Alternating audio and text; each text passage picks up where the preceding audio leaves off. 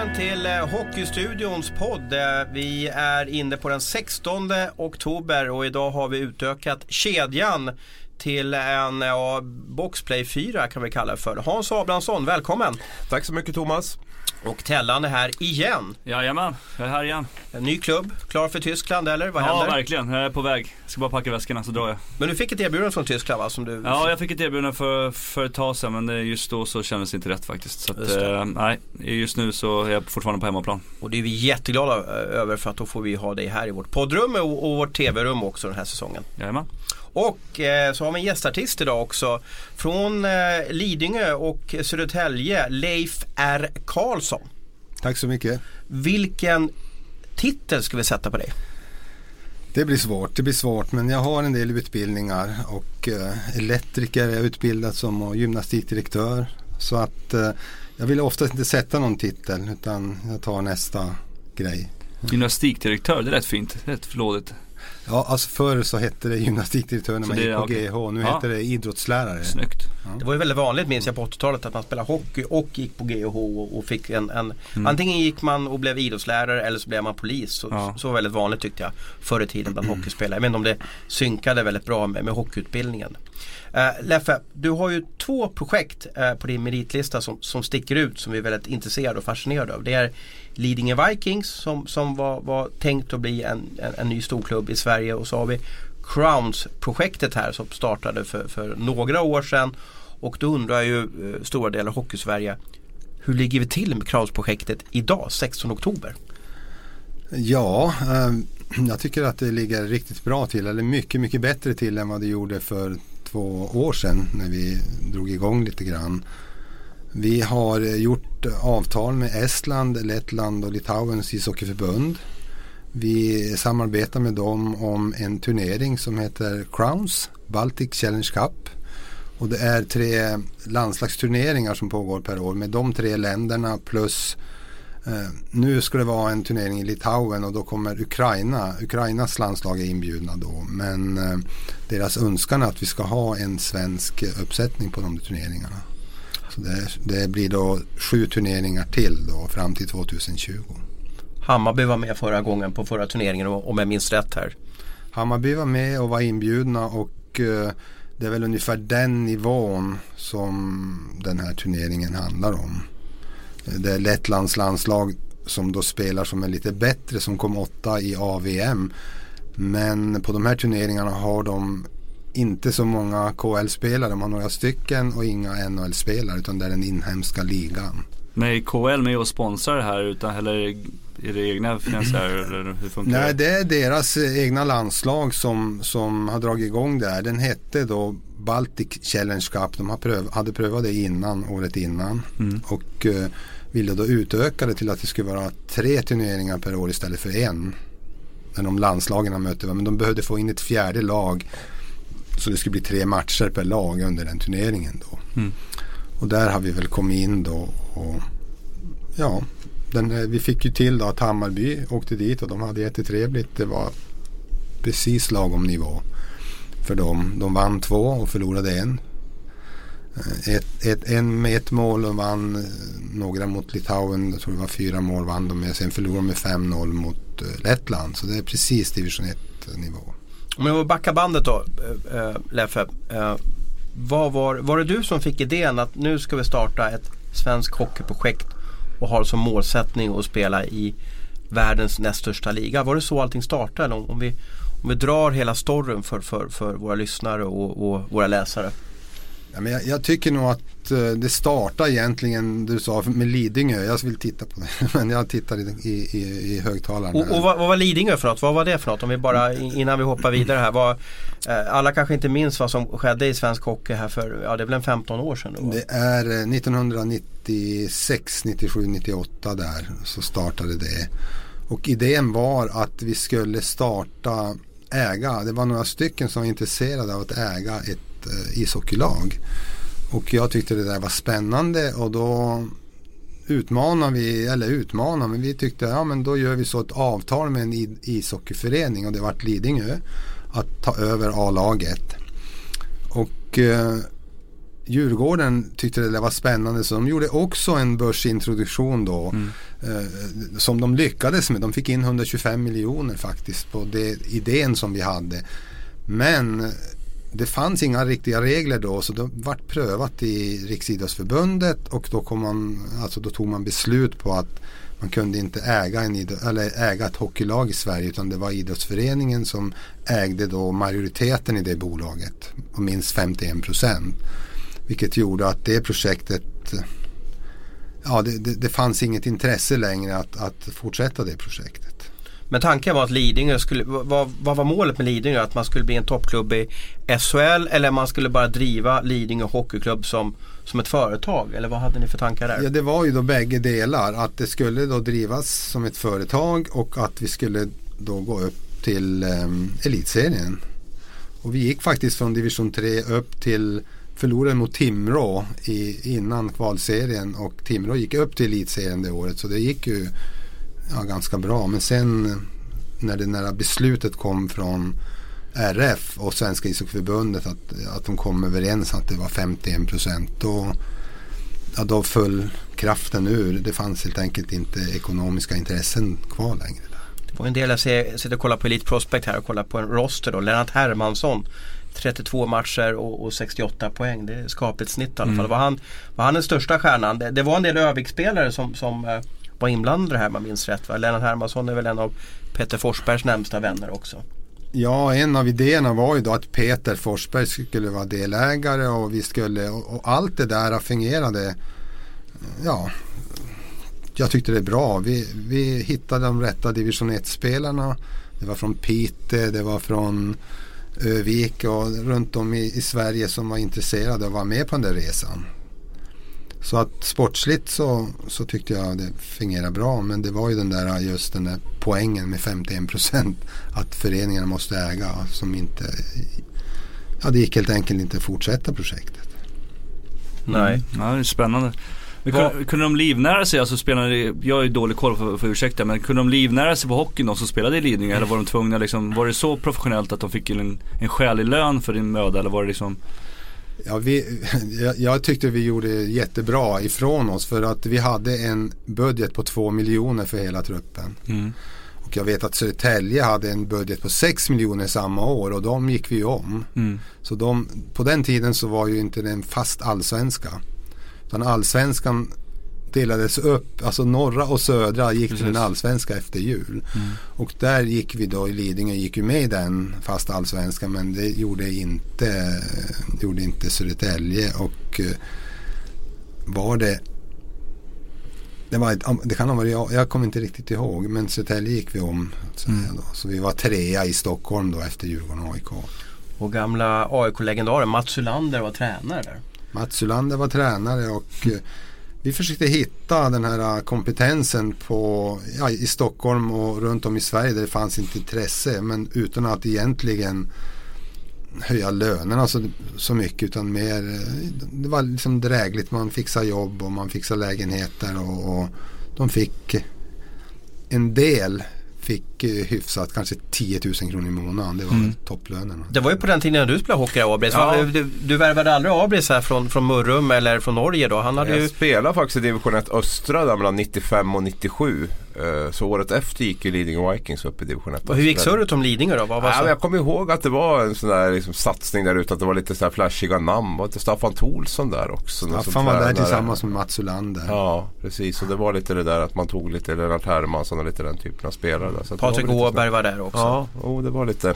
Kristoffer Sparring, han som är SIKO-baser då också. Eh, han utbildade sig kanske säkert till advokat under den tiden också. Ja, nej, men det var spännande. Och en annan spännande spelare det var ju eh, Johan eh, Johan eh, Törn, vad säger jag, från Mora.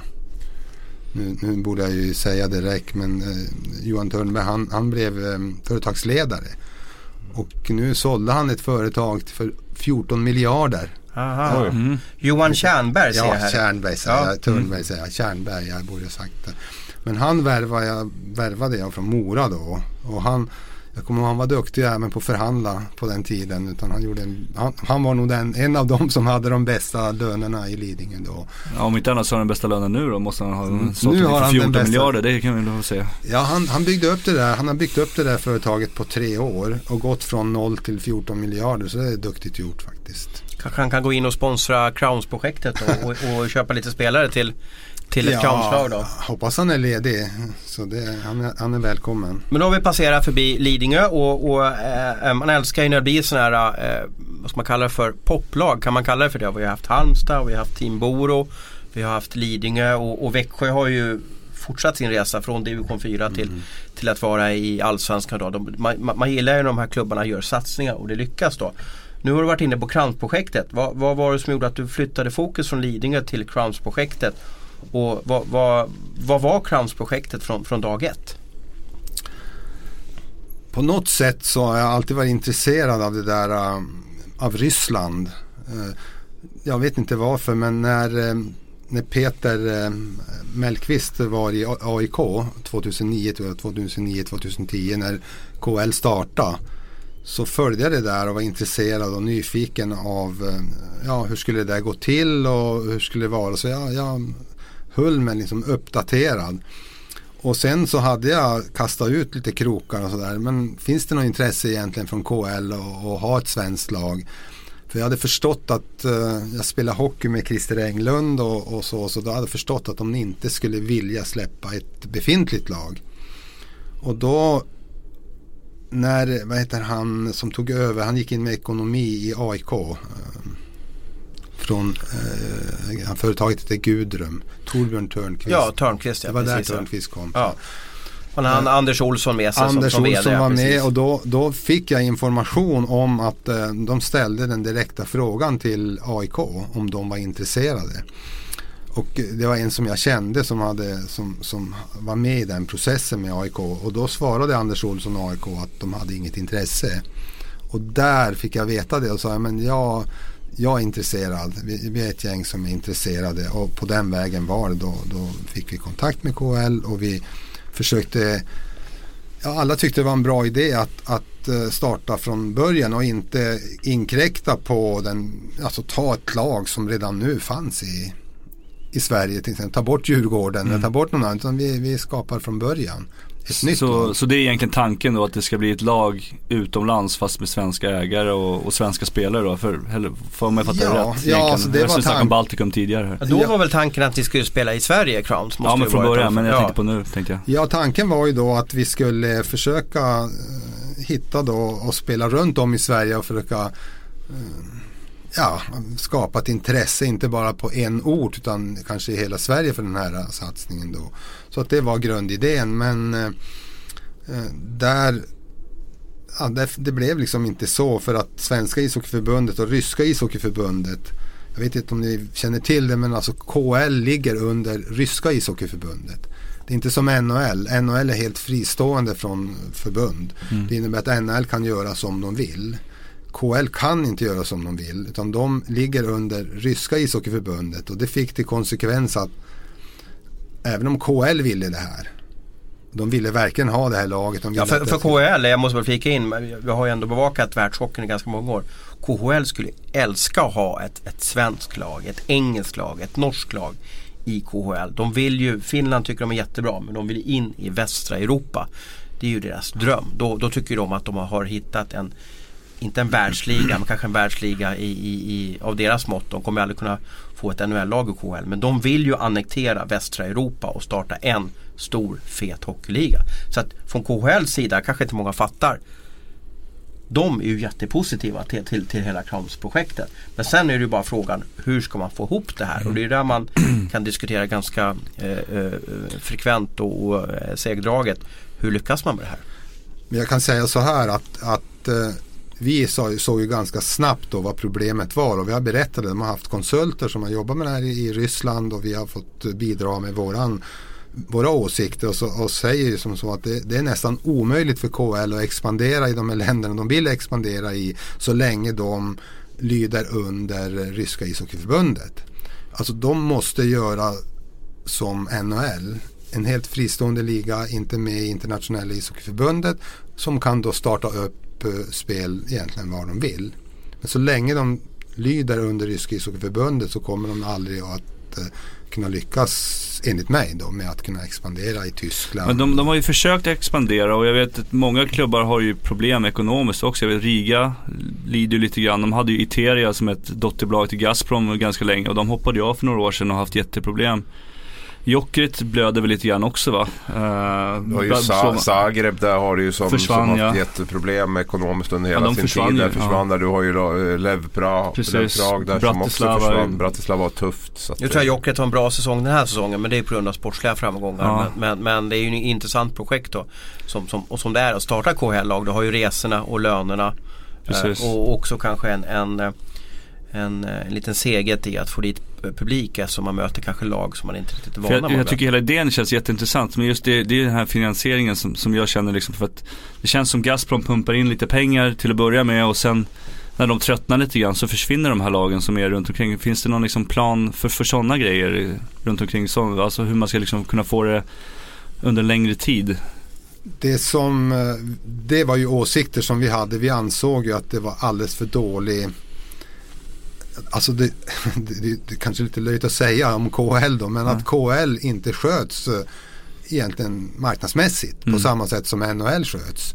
Det kanske som NHL var för 40 år sedan kan jag tänka mig att det, den ägdes av ett stort bolag, Gulf ägde en och de lekte lite grann vid mm. sidan mm. om och tyckte där kan vi förlora lite pengar.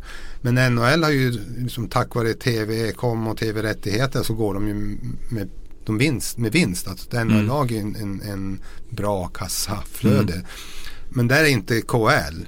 Utan alla, alla KL-lag får ju pengar antingen från Gazprom eller från staten eller från den närliggande guvernören och så vidare. Där de mm. satsar mm. pengar.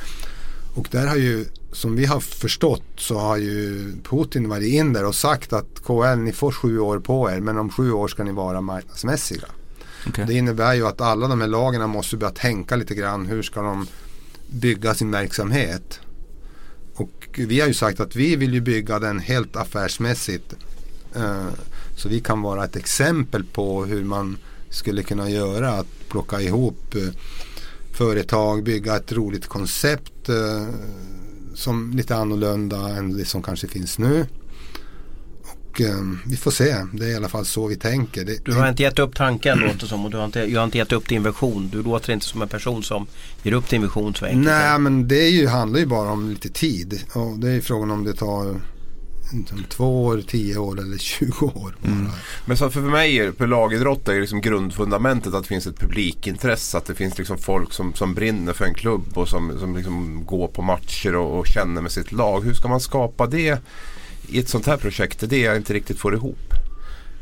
Men det kan ju vara så att det är som du säger att det krävs det. Men jag tänkte, jag tänker i den där frågan är ju fotboll lite grann. Att många av de här fotbollsklubbarna runt om i världen har ju enormt stort intresse. Och i Sverige kanske det skapades genom Stryktipset då att man fick Arsenal och andra klubbar. Man var jätteintresserad. Men, men tack vare att det finns nu både tv och internet och andra ja, typer av media som, som kan som skapa ett intresse. För min del handlar det mer om hur gör vi? Alltså gör vi någonting som är så intressant och spännande så att folk vill följa oss och se Gör de på ett speciellt sätt? Hur tar de hand om sina spelare? Hur, hur, hur, egentligen, hur går det här till? Det är det som kan skapa intresse enligt mig.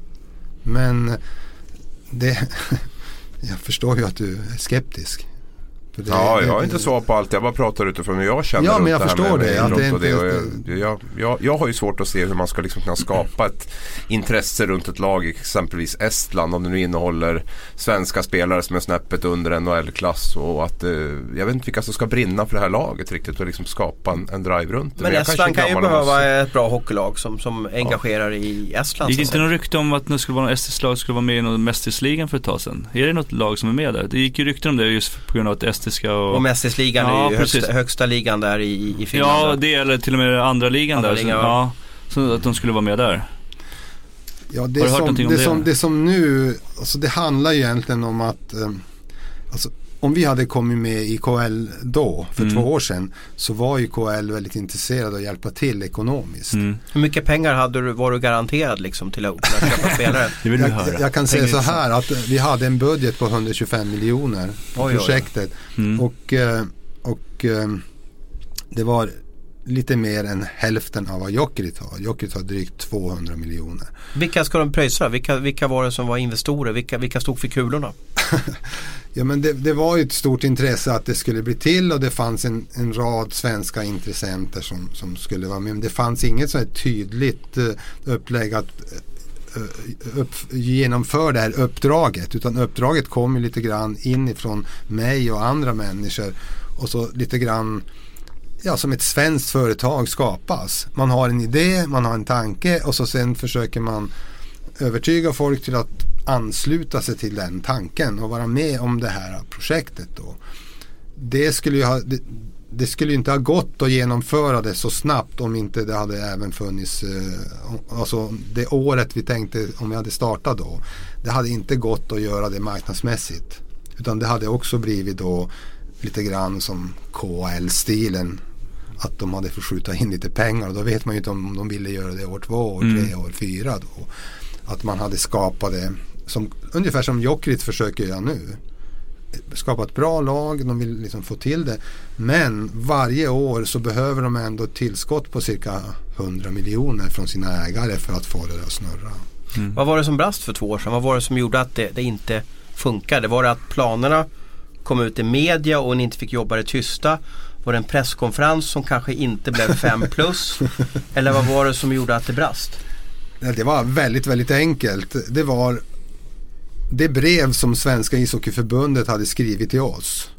Det gällde inte i Ryssland utan de sa helt andra saker. De, till oss skrev de det här är en affär mellan er och KHL. Men de hade mycket underhandsinformation med ryska ishockeyförbundet. De övertalade Tretjak och andra att skriv för guds skull inte på det här pappret. Och det var det som sprack och där är jag lite för snäll. Det var ju ganska enkelt. Vi skulle haft en presskonferens och berätta det. Mm. Vi har kommit hit och nu har det tagit stopp. Min enfall, min, min Nallepu-mentalitet gjorde att jag hoppas att pressen vill granska det där lite grann och kolla att det är ju faktiskt eh, Svenska ishockeyförbundet som jobbar med dubbelspel här. Och det blev aldrig granskat utan det var ju vi som lät uh, lite barnsliga. Och det förstår jag. Men om jag hade gjort om den presskonferensen nu. Då skulle jag bara ha sagt att så här långt har vi kommit. Nu figurerar det två brev. Det här brevet har vi fått från svenskan. Och tydligen figurerar det lite andra brev.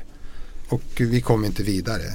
Och det är väl så här som jag uppfattar att det är att jobba med. För att, för att, för att, att starta ta över en 7-Eleven butik i Hagsätra det är en sak. Va? Men att, att starta ett företag eller ett projekt i Ryssland eller med Ryssland är ju helt andra boliner det handlar om. Uh, och så. Och då, nu har vi, jag vet inte hur ofta du har varit i Ryssland. Eller vilken, för man måste ju ha någon kompanjon i Ryssland som hjälper en enormt mycket. Och som man kan lita på. Annars är det helt omöjligt att, att, att ha att göra med Ryssland. ingångar definitivt. Så är det. Det är så samhället funkar där borta lite grann. Och, så att, hur, hur mådde du efter presskonferensen då?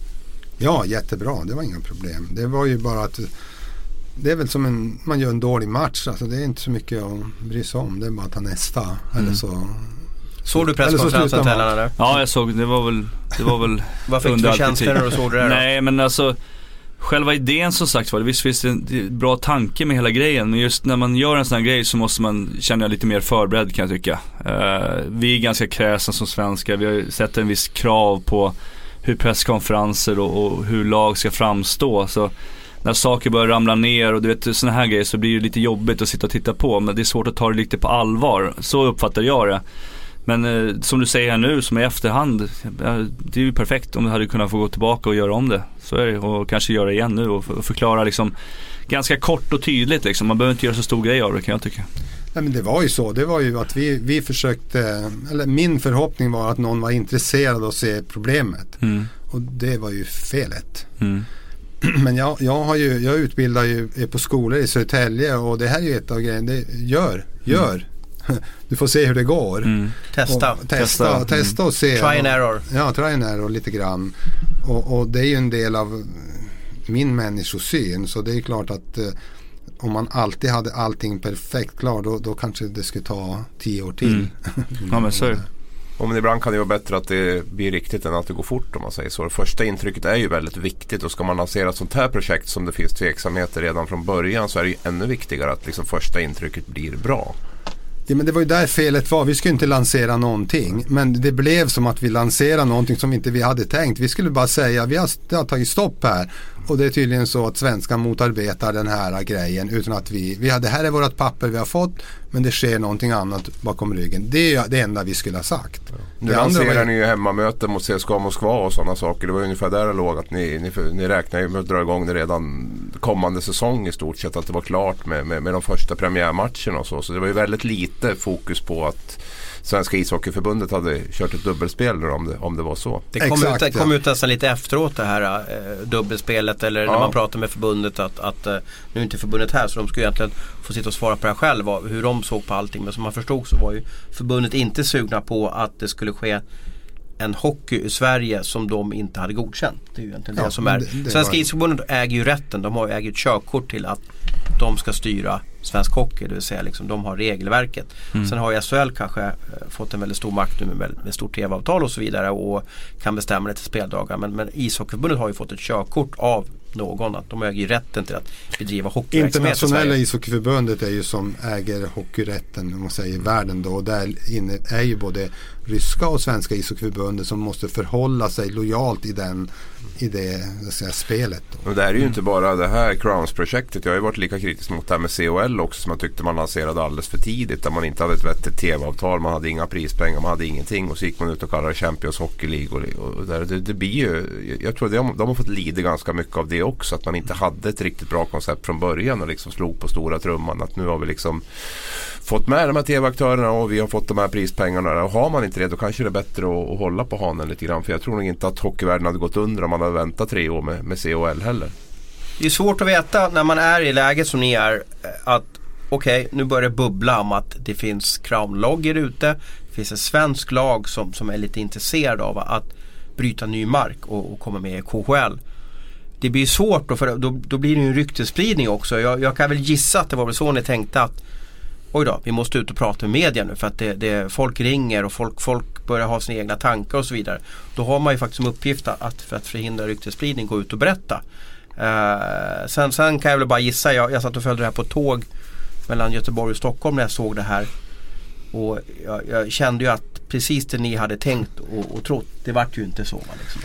Nej men det, det var vi hade ju egentligen ingenting att berätta. Det som, var, det, som, det som drev oss det var egentligen ett löfte mot KL.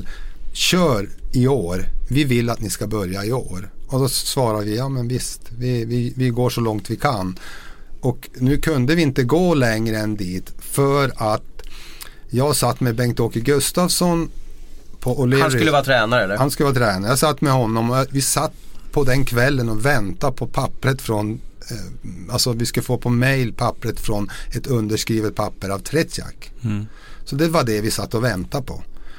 Men det kom aldrig och då, då vart eh, då vart det liksom, nej men Tretjak vill inte skriva under det här pappret för att uh, han får samtal från svenskan och han, han vill inte skriva det pappret. Och där, exakt där var vi. Och då, då Var skulle ni spela matcher någonstans då? Ja men det var ju då försöka få ihop dem på de olika arenorna. Jag tyckte Fjällräven Arena i Hovet, i Malmö och så vidare. Där vi mm. hade fått på vissa ställen underhandsinformation om att det skulle gå bra om vi liksom pricka in då när det var ledigt. Ja, de som äger eventbolagen de vill ju få pengar, de vill ju få hyrespengar också. Ja, vi pratade med AIG och han som, han som eh, är chef i England han sa att vi gillar hockey och det, vi älskar hockey så att kommer ni så långt vi kommer att hitta dagar där det finns möjlighet att spela. Jag skulle vilja veta lite mer, nu släppte vi Bengt-Åke, jag skulle veta, var det några andra svenska spelare som var på gång? Kan du släppa det? Ringde någon... du Tellan någon gång och frågade? Ja det vet jag inte, det ringde aldrig på min telefon men är det, är det några andra stora namn som var på gång liksom så in, in i i,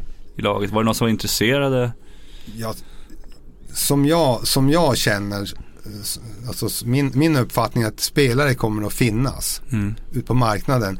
Och det tycker jag till exempel Kunlund visar på. De startade ju i fjol och KL. Och eh, de hade, de, det blev klart i juni, juni, juli och en månad senare, eller två månader senare, så sitter de där med mm. ett lag och kör. Så att spelare kommer det alltid att finnas. Sen beror det bara på hur bra kommer det laget att vara den första säsongen. Mm. Det är ju man kan, sig, ju inte, man kan ju inte åka ur i KHL heller. Så dessutom är det, inte, det, det, är inte det problemet. Det, nu verkar det som att det skulle bli ett lag bort i Baltikum då i sådana fall. Men om det skulle starta i Sverige, men skattemässigt är det ju ett problem. Det får man inte sticka under stolen. Men jag tror att i Ryssland så är det 10% skatt liksom. Hur ska man kunna konkurrera med löner och sådana? Finns det någon tanke på, på det liksom? Och, du kommer aldrig att kunna konkurrera med löner utan du måste ju uppleva att du har ett koncept som kommer att, som till exempel vi sa med Lidingö, att du mm. hittar spelare i Sverige som vill utvecklas på den här alltså, nivån? ja, men jag, jag är helt övertygad att i Sverige finns det 15 division 1-spelare som lätt ska klara den nivån men som inte har fått egentligen chansen. Mm. Jag tycker att det krymper avståndet och det ser man ju på försäsongen. Alltså ett division 1-lag kan spöa ett allsvenskt lag, ett allsvenskt lag kan spöa ett eh, elitserielag men inte över en längre serie. Men alltså enskilda matcher mm. så skiljer det inte så mycket mellan personerna. Och det var väl lite grann det som var eh, också en idé att det kommer att, har man bra liksom, tankar så behöver du inte nödvändigtvis superkonkurrera med de här spelarna som redan har de högsta lönerna. Mm. Utan att du har konceptet istället.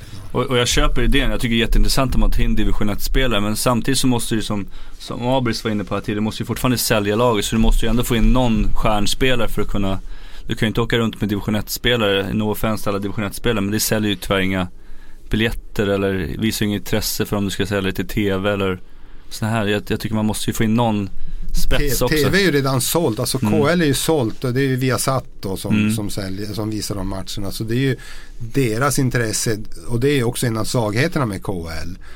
Alltså, SHL har ju mycket, jag kan tänka mig att SHLs kontrakt med Simor är större än hela, N, eller än, än hela KLs totala intäkt på tv mm. i hela världen. Mm. Det kan nog, du, det kan nog jag har inte insyn i båda förhandlingarna men jag, du, du, har en, en eh, du, du, kan ha 100% korrekt där. Men, men du, vad, nu, nu då? Vad har du för vision nu då? Uh, Crowns-projektet lever ju. Jag fick till med en, en jättefin t-shirt innan vi började podda här och en, en liten väska. Uh, kan man kalla Crowns-projektet för ett svenskt hockeyprojekt längre eller är det ett är det ett Baltikum-projekt just nu? Alla som är med är ju, det är en svensk organisation. Så att på så sätt eh, så, så är det ju ett svenskt, en svensk organisation. Och vilka är med förutom Leif R. Karlsson då så att säga? För nu har man inte hört så många namn. Du har ju känt som att du har i alla fall varit den som har blivit ambassadör för det här. Ja men lite grann som grundare och så. Och jag kan tänka mig utan att, um, att jag fanns där så skulle det säkert uh, inte hända. Utan jag behöver finnas där åtminstone en stund lite längre fram. Men jag kan säga att vi är säkert 30 personer på, som på olika sätt som en del har bidragit med bara lite grann och en del har bidragit med lite mer och tycker det är jättekul och spännande.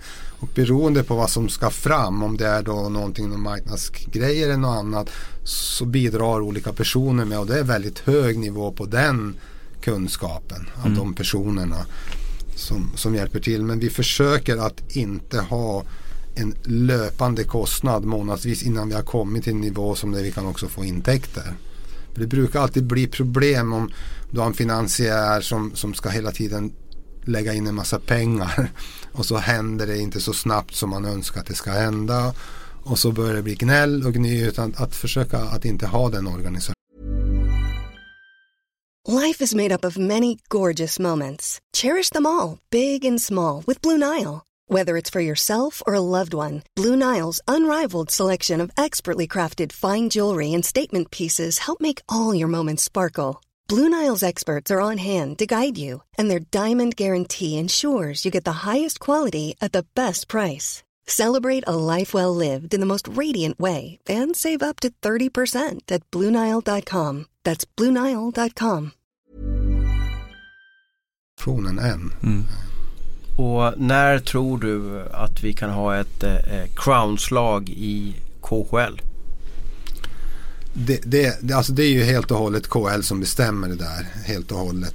Så att då, för två år sedan, då, då har, har det faktiskt kunnat bli ett KHL-lag så snabbt fastän det verkade konstigt.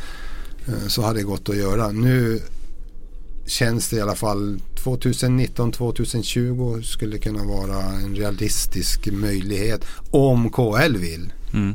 Om inte KL vill då kommer det inte att bli något KL-lag. Och tanken är då att spela i, i, i Baltikum nu kan man säga. Inte i Sverige längre för det säger ju Svenska Hockeyförbundet nej till. Men då är tanken att spela i, i Baltikum och är, är, om jag förstår det rätt så är det alltså att spela med, med svenska talangfulla eh, spelare i kanske eh, Eh, i, i, de, i de bästa lagen i division 1. Uh, eh, och, sådär. och sen spela hemmamatcherna som sagt var i Baltikum. Är det, är det som är spåret nu? Personligen tycker jag inte hemmaarenan har någon som helst betydelse. Egentligen hockey i framtiden skulle kunna spelas i en tv-studio men det är väldigt intressant om det är folk som är och tittar även Ja den största mängden tittar ju på tv ändå i, i förhållande till hur många som är på arenan. Men den där hallen som finns i Baltikum den tar ungefär 6000 personer. Och eh, Dynamo Riga hade när det var VM i innebandy då flyttade de två matcher till Tallinn och inte spelade i Riga och då var det slutsålt i två matcher. Mm. Och jag var där och var intresserad för jag tänkte nu har ju de åkt bil från Riga till Tallinn och nu är det bara, bara folk från, från Litau eller Lettland som är där. Mm. Men när, när det blev ryska mål, det var mot eh, Traktor Chilabinsk och när de gjorde mål så jublade hela hallen.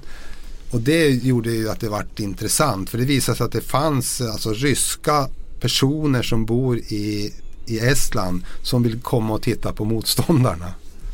Mm. Och det är ju intressant för då är, då är det ju ett, ett, intresse. Sen gäller det då att bygga ett intresse givetvis där. Du kan åka med Tallink Silja, du kan göra KL-resor. Det finns ju mycket man kan jobba med för att få, få det där att fungera.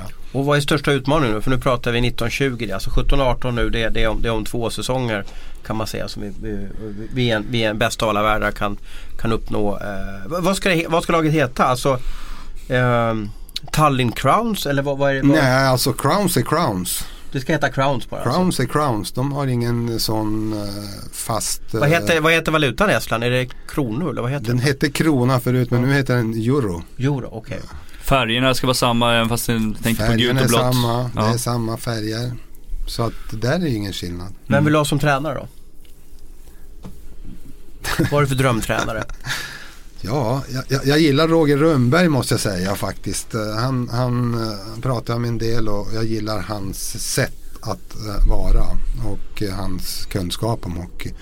Så att han eh, skulle nog vara en liten halvfavorit om man kom så Du har ju inte bestämt dig för att lägga av här Tellan. Är du, är du inte sugen att köra? Målvaktstränare kanske? Målvaktstränare i, i, i Crowns. Ta, ta mitt telefonnummer här efter. Ja, vi kommer att byta telefonnummer helt ja. klart. Alltså, och vad är största utmaningen nu då? Eh, de här kommande eh, månaderna och, och kanske åren också för att det här ska lyckas?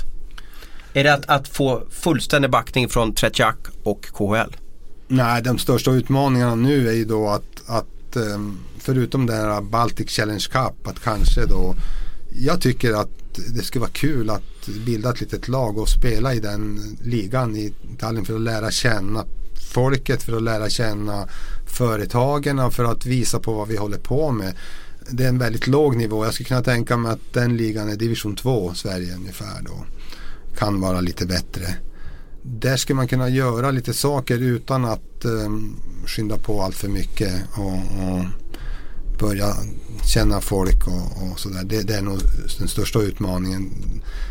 En viktig, i Sverige skulle det ha gått att flytta runt. I Tallinn så måste du skapa ett intresse där. Mm.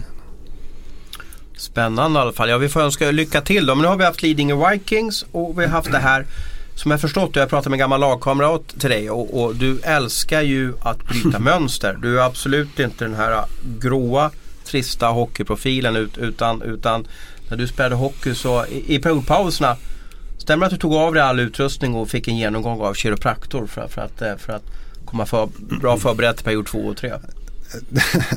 det stämmer kanske någon gång. Jag, jag, kan i alla fall säga en gång när jag skulle spela upp i Skellefteå så kom jag inte ur sängen på morgonen. Jag kunde inte ta på mig strumporna och sådär. Och eh, då kom han hem till mig och jag spelade faktiskt den matchen på kvällen i elitserien och gjorde fyra mål. Så därför vet jag att det, det ibland kan se jävligt illa ut. Vad gjorde men, han med dig? Nej men han var tvungen. Det var, det var lite koter och lite grejer som inte var på plats och jag kunde inte röra mig.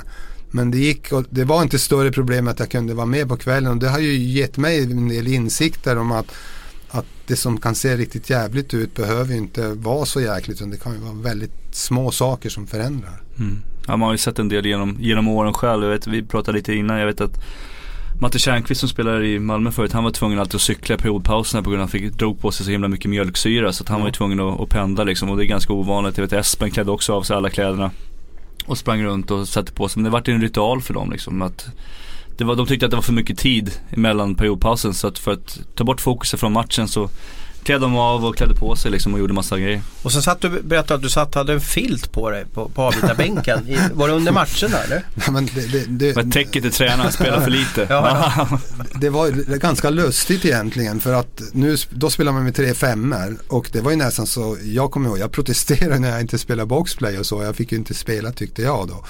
Och nu spelar man med fyra femmor och, och spelar man med tre säger de att man inte orkar och jag är ju lite emot det där. För att alla de bästa spelarna runt om i världen har ju minst 20 minuter. En del har upp till 30 minuter. Och hur kan de orka om de andra inte orkar? Och sen säger jag ett annat problem i svensk hockey. Så fort man satte in fyra femmor så försvann ju möjligheterna för juniorerna att komma med.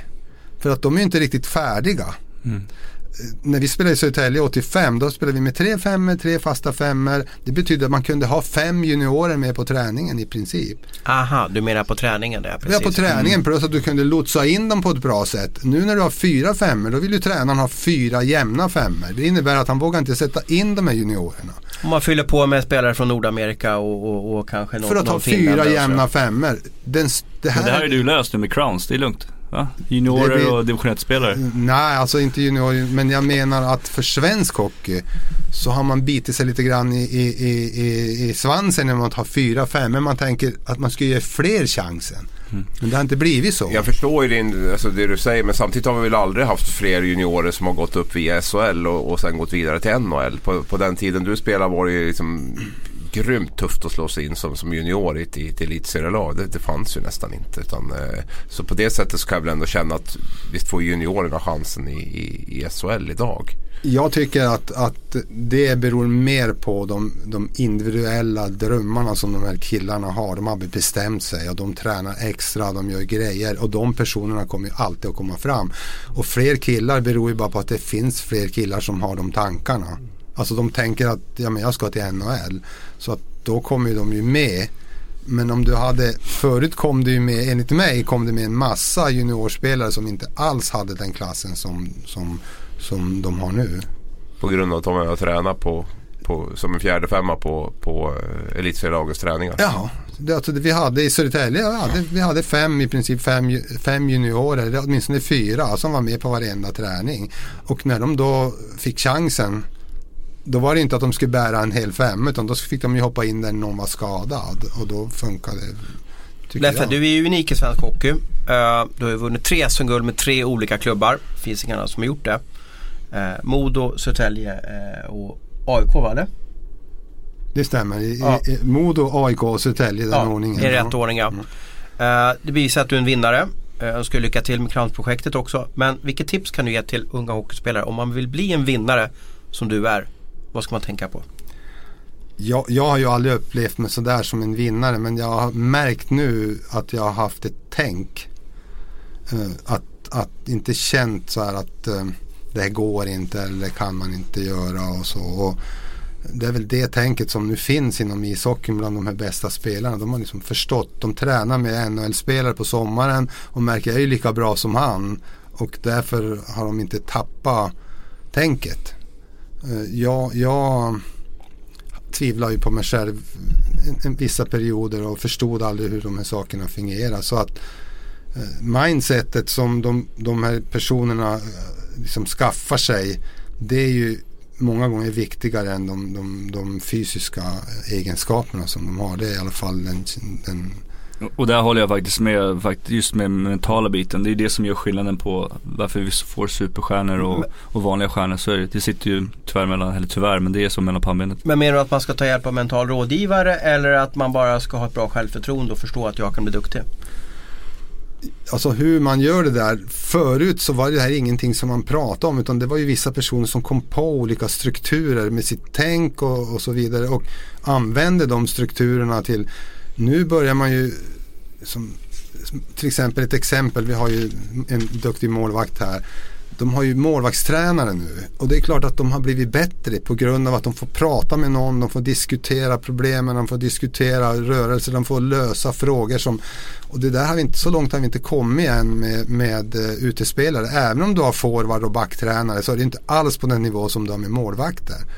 Så det är ju ett, det, det, måste bara till att man börjar förstå hur man tänker, hur, de känslor man har och hur det där sam, det samspelet. Det måste ner på individnivå även på utespelarna. Vad, vad hade du för målbilder och hade du för tankar inför en viktig match då? Uh, nej men då förstod inte jag, jag, jag förstod inte de där strukturerna helt enkelt. Jag, jag, vissa, det vart nästan så att jag måste förlora en gång för att jag skulle kunna då bestämde jag mig, fan nu måste jag ta i här nästa gång. Och det berodde ju på att jag inte förstod de mentala processerna fullt ut. Utan jag måste vara dålig en gång för att sen kunna vara bra. Men de bästa spelarna behöver inte vara dåliga. Det är bara att titta i tennis nu, vad heter han? Eh, Federer, Nadal. Federer, ja. Mm. Sådana killar har ju hittat de mentala strukturerna och vet hur de ska jobba med dem. Och de behöver inte förlora för att bli bra. Utan de, de, de kan nöta på och vinna, vinna, vinna, vinna, vinna, vinna. Peter Forsberg är ju sådana personer som förstår lite grann om sig själva och kan hantera dem. Det här är ju, det här är ju bara, numera är det här som, det är kunskap som finns. Nu handlar det bara om att som, ge, dem till, ge dem till alla. Mm. Ja, alla måste. Pojkar, det har varit en oerhört intressant eh, hockeyvecka i, i, i, i Sverige. Eh, vi har, om jag räknar rätt, till fem tränare som har fått sparken här runt de olika serierna. Vi har Hammarby, Södertälje, eh, Asplöven, Leksand och Brynäs som har eh, bytt huvudtränare. Eh, varför blir det så här? Är det, är det, är det någon epidemi eller är det någon dominoeffekt, Abris? Det vet vi väl inte riktigt svaret på men alltså, om man tittar på Brynäs och Leksand där handlar det i min, mina ögon på väldigt dåligt rekryteringsarbete när man har anställt. Det är ju som jag var inne på att det här är ju inte Men det är 2017. Mm, det är det som är lite beklämmande och någonstans kände jag lite för något år sedan här att det kanske var på väg att man, man skrev långa kontrakt med, med i Växjö och Frölunda och de här att det var lite vägledande att jag kände någonstans att nu, nu är det inte så inne att sparka tränare längre och att det var den trenden men nu, nu är vi ju tillbaka på, på grottstadiet igen höll jag på att säga. Där med, med, att man liksom gör sig av med, med, med, tränare snabbt. Samtidigt måste man ju titta, jag, jag, som jag var inne på, det här handlar om ett dåligt rekryteringsarbete snarare än att man kanske efter en längre tids eh, dåligt resultat på en tränare som inte på sitt andra, tredje år i sparkarna. Så att man lär nog skilja på, på orsakerna till att man får, får sparken här. Både Åkerblom och Roger Melin känner jag ju ganska likvärdigt där. Att där, där pratar vi om att man inte har gjort ett bra grundarbete innan. Att man hamnar helt fel på grund av det. Vad tror du skillnaden eh, Leffe nu från, från när, när, du var som bäst här på, på 80-talet? Vad är det som gör att, att det är så lätt att dra den här livlinan och byta en huvudtränare? Ja, ja, ja, jag, jag kommer bara ihåg, vi hade ju Timo Latin i Södertälje som var tränare och eh, man, man, man höll inte med alla gånger och sådär men man kunde i femman säga nej men nu kör vi för, för, för tränaren även om man hade fel. Men nu har det blivit så mycket ekonomiska, alltså i och med att ekonomin stiger så blir ju varumärken, det blir massa sådana saker som, som det dras med. Man har inte råd att förlora. Nej, det är lite grann, det känns så. Publiksiffror har ju också en sak där. Men när man tittar på till exempel Brynäs där så, så kändes det som att de var ner på, på väg ner mot 4000 i snitt här med, med uh, den här dåliga starten man hade. Och liksom det fanns ingen riktigt tro på det här laget och Roger Melin alltså som, som ledare för det laget. Så jag tror det också påverkar mycket att det blir mm. lite panik på marknadssidan också numera när, när inte men det blir en jättekostnad, vi diskuterade innan ja. också. Jag menar, jag menar, han snittar säkert 100 i månaden liksom, mm. Roger. Han ska pröjsa han i två år till liksom. Mm. Det är det, man måste vara noga. Ja men åka ur då? Du vet ju att det nya tv-avtalet ja, tickar ju in här från och med nästa säsong. Nu tror inte jag Brynäs kommer åka ur men det är, det är i alla fall en väldigt stor summa pengar som... Ja men två lag ska ju kvala. Ja, det är så. är så är det Och jag menar, man kastar ju bort pengar. Man har någon skyldighet mot sponsorer, publik och, och, spelare. Jag menar de här pengarna skulle man kunna ha köpt en, en bra spelare för liksom. Och jag är lite inne på, på vad du säger det här med rekryteringsprocessen. Varför tar man inte in de ledande spelarna för? i, i laget när man gör den här rekryteringsprocessen. Mm. Så sätt, då, sätter man sig måste, ner och... Då, då måste vara tufft mot, mot Abres här. Då får du vara Bengt Sen. Vem skulle ha tagits eller för Roger Melin då? Han vill ju ha Colleton länge. Det var väl ingen Absolut. hemlighet att Brynäs siktas in sig på Moras supertränare får man väl säga. Jeremy Colleton då som, som, som var inne på en, eh, hade en väldigt bra period i Mora och, och uh, uppvaktades av Brynäs. Och så fick han nej av Brynäs. Men vem hade du tagit då Rabis? Ja, det, det, det, självklara namnet är Jonas Rönnqvist. Jag har försökt verkligen jobba. Jo, men om man tackar nej? Ja, om man tackar nej då får vem man ju gå vidare i så fall. Då. Men, men vi pratar ju ändå om nu har inte jag liksom satt mig in i den situationen och jag har inte betalt för att rekrytera en tränare heller. Det är ju inte liksom min uppgift där och jag har inte sonderat terrängen på det sättet som, som, som, som Stefan Bengtzén haft möjlighet att göra. Så att eh, jag kan ju inte svara på det just nu direkt utan det får man ju Jag har, ing, jag har inte ett klockrent namn Det jag vill säga, jag vill inte för att jag blir osams med det här för vi ska ju faktiskt äta lunch ihop mm. efter det här. Men, men det jag menar att det, det är ju inte så lätt att hitta en tränare idag på marknaden som passar in till systemet och så vidare. Va? Liksom då. Det, det är inte så att det finns 20 arbetslösa tränare med, med på något sätt rätt CV, rätt bakgrund, rätt ålder och så vidare. Va? Det, det är inte så lätt att hitta någon. Men man scoutar ju spelare över hela världen. Varför kan man inte scouta coacher över hela världen? Ni har ju hela AL det, med East Coast. Det är, liksom. menar, det är väl lika viktigt där och, och gör det. Jag menar, hitta Jeremy Colleton ja, liksom, som, som Men han gick ju från spelare Ja, ja, jo, jo. Men det finns väl många spelare idag som gör också. Ja. Eller som kan göra rättare sagt. Och speciellt med, med Bulans bakgrund som, som en äldre tränare. Det finns ju mm. gott om borta i Nordamerika. Ja. Det är ju liksom hade bara... jag varit Brynäs så hade jag köpt Ove Molin från Karlskrona. Så hade jag gjort.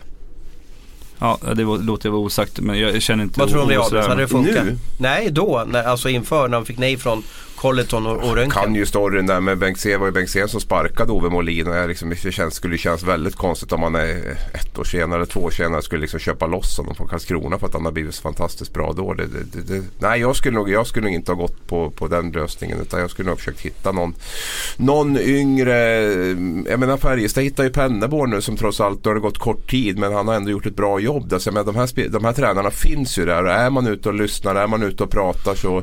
Jag menar Thomas Berglund var ju var väl inget sånt här jättehett namn när Brynäs tog in honom och det vart ju väldigt, väldigt bra. Så det gäller ju att det gäller ju att hitta de här tränarna som, som, som kanske inte har slagit igenom än men som, men som är väldigt skickliga och som har en stor potential. Och där, där kan jag väl tycka att där har en sportchef ett väldigt stort ansvar för, för att göra det. Det är liksom kanske inte ska ligga på vårt bord så att säga i det läget. Så jag tror att det finns. Man kan ju säga att oj nu är alla lediga. Det finns bara de här tre lediga. Men man måste ju titta lite utanför boxen. Man kanske skulle ha gjort en, en riktigt försök på Johan Garpenlöv till exempel. Försökt få loss honom. Alltså det finns ju, finns ju, några, finns ju några tränare i Allsvenskan.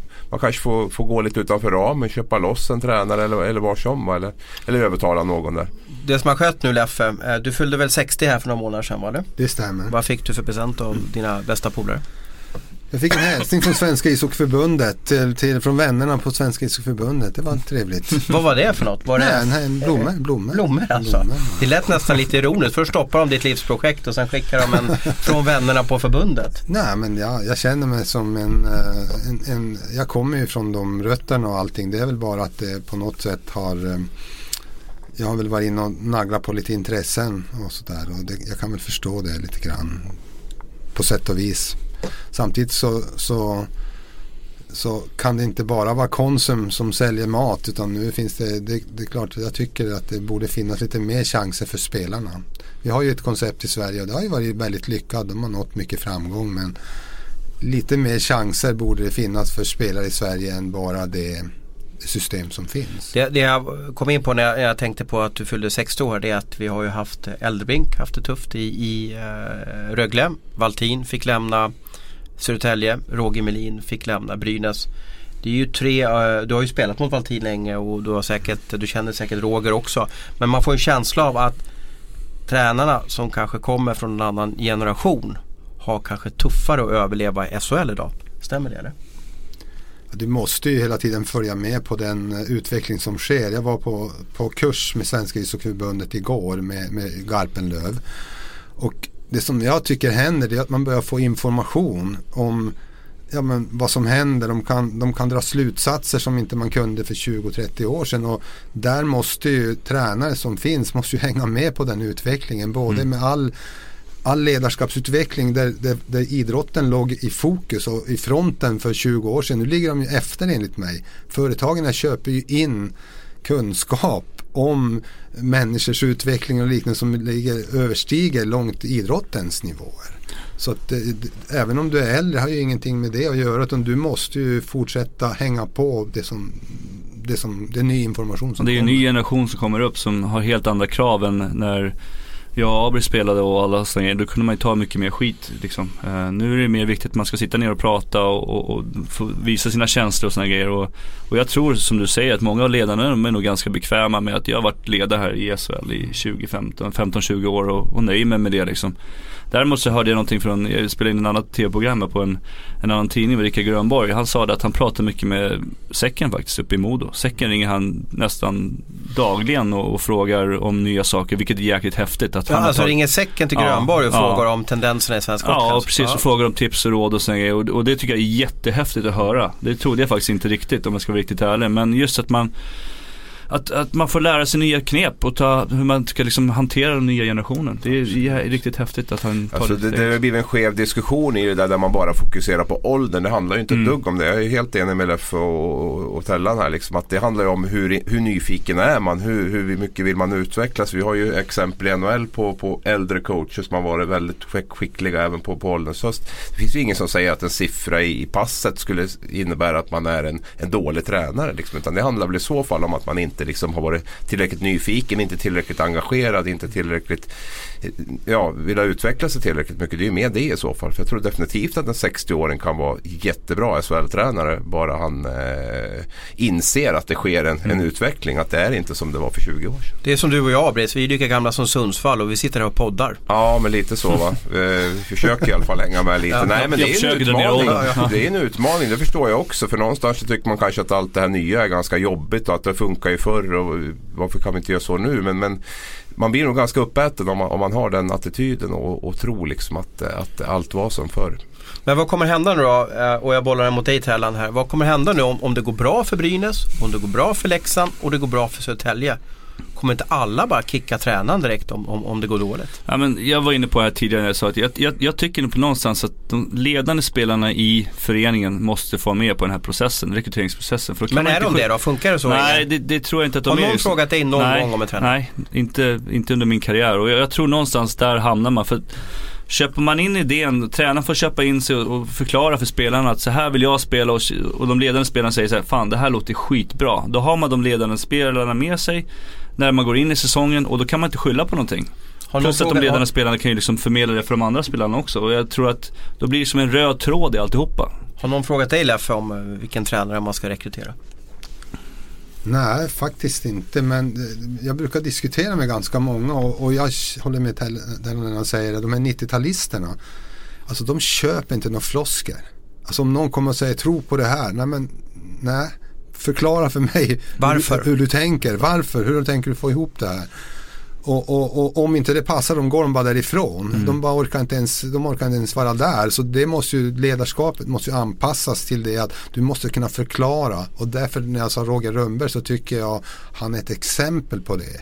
Han säger inte bara massa saker, han förklarar ju varför vill jag att det ska se ut på det här sättet, varför ska det göra så här och, och bygger upp det med statistik och annan information som du måste göra för att uh, numera övertyga en yngre människa som har tillgång till all världens kunskap i sin mobiltelefon. Du kan inte bara komma. Nej, och är du inte jätteintresserad av det själv så måste du se till att du delegerar ut det på någon annan i tränarstaben. Som Frölunda Ja. som exempel så har ju de en videokille, Erik Lignell där, som, som har enormt inflytande i den ledarstaben och som är väldigt duktig på det. Som Rönnberg verkligen vill ska få ta plats där och, liksom, och, och ta ansvar för den där biten. Så det, det, det är också en lösning om man nu själv känner att det, att det inte riktigt är min grej att, att gå igenom de här sakerna. Se då till att du har någon som verkligen jobbar med de bitarna. Men om man ska ha en drömstab då till, till Crowns då, då tar vi ju Rönnberg som head coach, Tellan som målvaktstränare.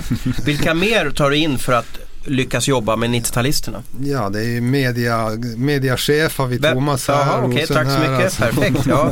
Femårskontrakt i Estland. Och, men assisterande, vad- hur tar du för att du ska kunna nå fram till de här 90-talisterna och liksom se till så att det ska funka?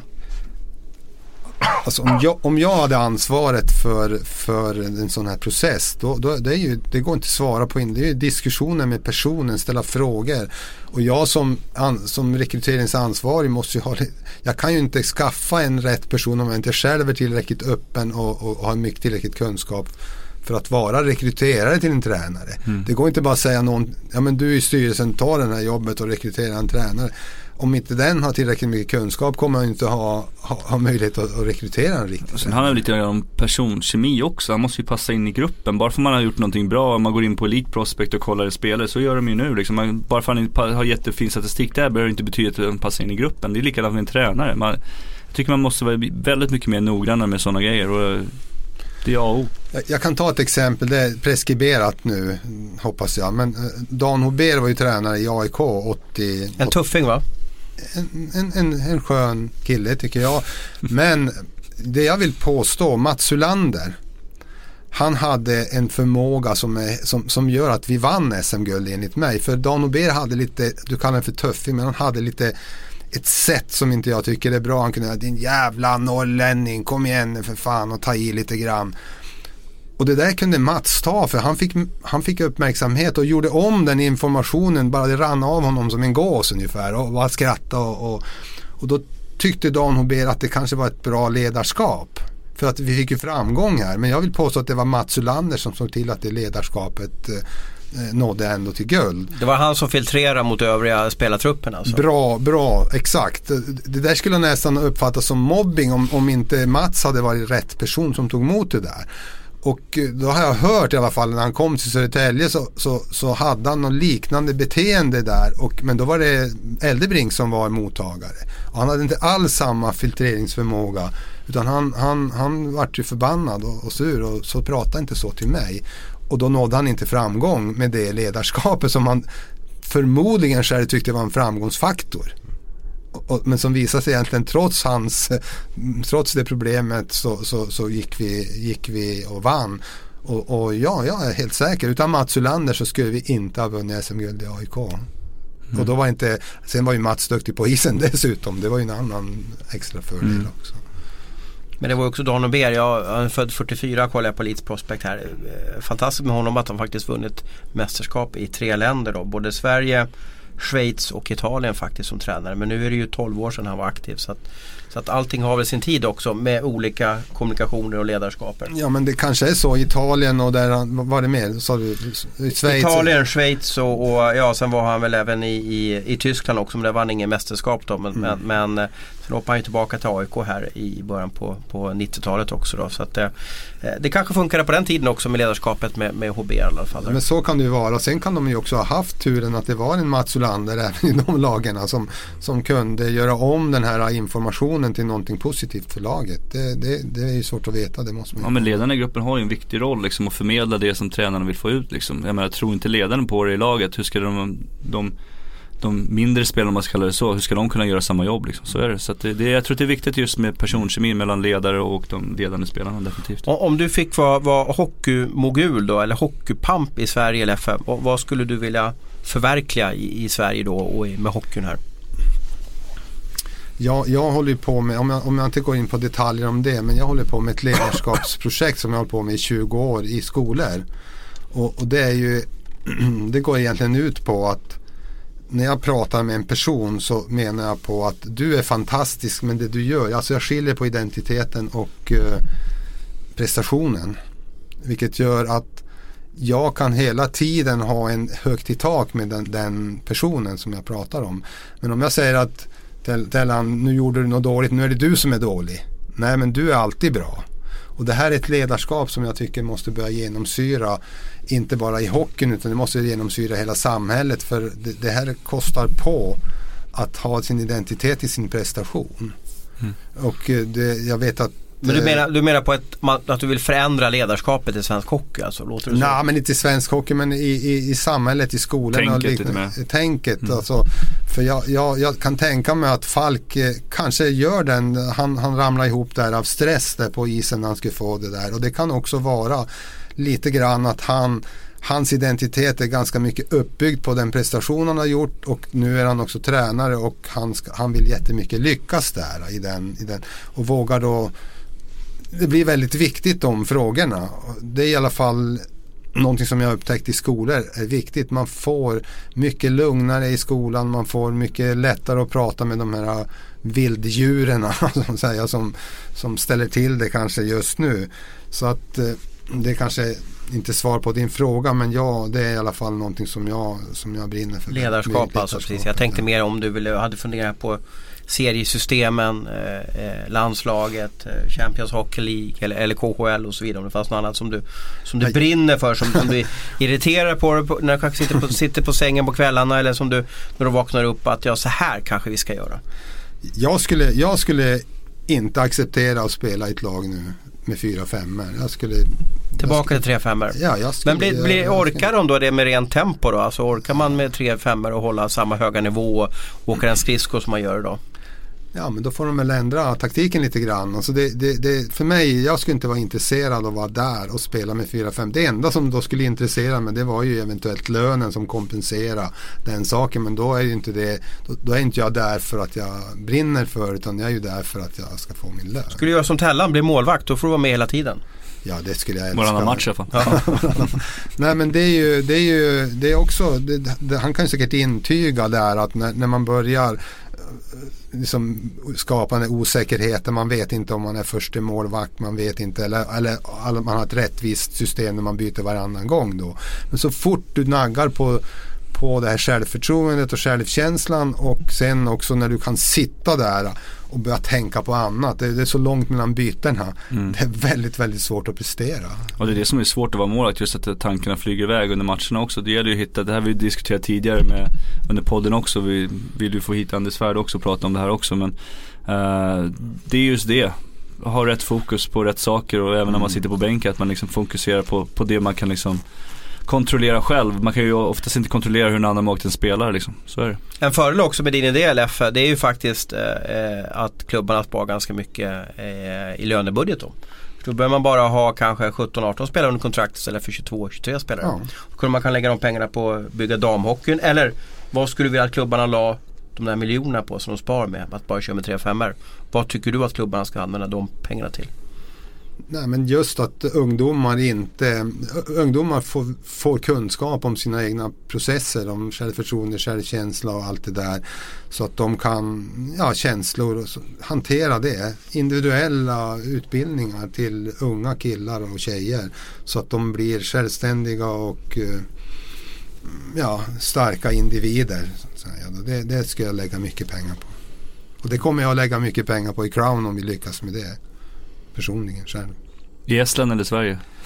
Nej men det blir ju en svensk organisation men om vi kanske måste spela matcherna i Estland mm. bara för att få spela någonstans. Mm.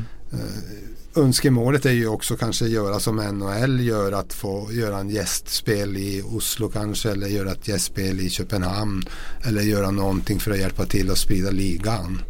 Men, men det, ju, det ligger ju på förbundernas sida då. Mm. Crowns. Ja, och det skulle bara heta Crowns, alltså inget, inget, inget namn för utan bara Crowns. Alltså. Crowns är Crowns. Ja, just det. Och vi är speciella. Ja. Fascinerande i alla fall. Jättekul att ha med det här Leffe och, och kul att eh, Tellan kunde halka in från Ingarö och kul att Abris kunde ta tåget ner från, från, eh, från, från Gävle här. Vad, hur ser din eh, dag ut eh, för övrigt då Leffe? Ja, vi har eh, en rolig grej ute. Vi har en fastighet ute på Storholmen och där kommer Hennes och Maurits att ha sitt släpp med sin nya kollektion. Som de, som de släpper den 2 november i hela världen och de kommer ha en fest för 300 personer ute på huset. Så vi håller på att fixa och dona. Så nu ska jag och täta ett tak faktiskt. Så att det inte regnar in för då blir kläderna ja, förstörda. Det, det, då, kan ju, då kan du ju småprata med H&M och de kan gå in som huvudsponsor till, eh, till Crowns också. Ja, det finns men det gäller att få träffa rätta personerna. Ja, då ska vi uppenbarligen köpa aktier i H&M då. De ska släppa någon ny kollektion då. Så snabbt som det här är, är klart. Precis. Tack för att ni var med och, och jättekul att surra med er och, och tack till alla lyssnare för att ni var med idag. Eh, ni är bäst.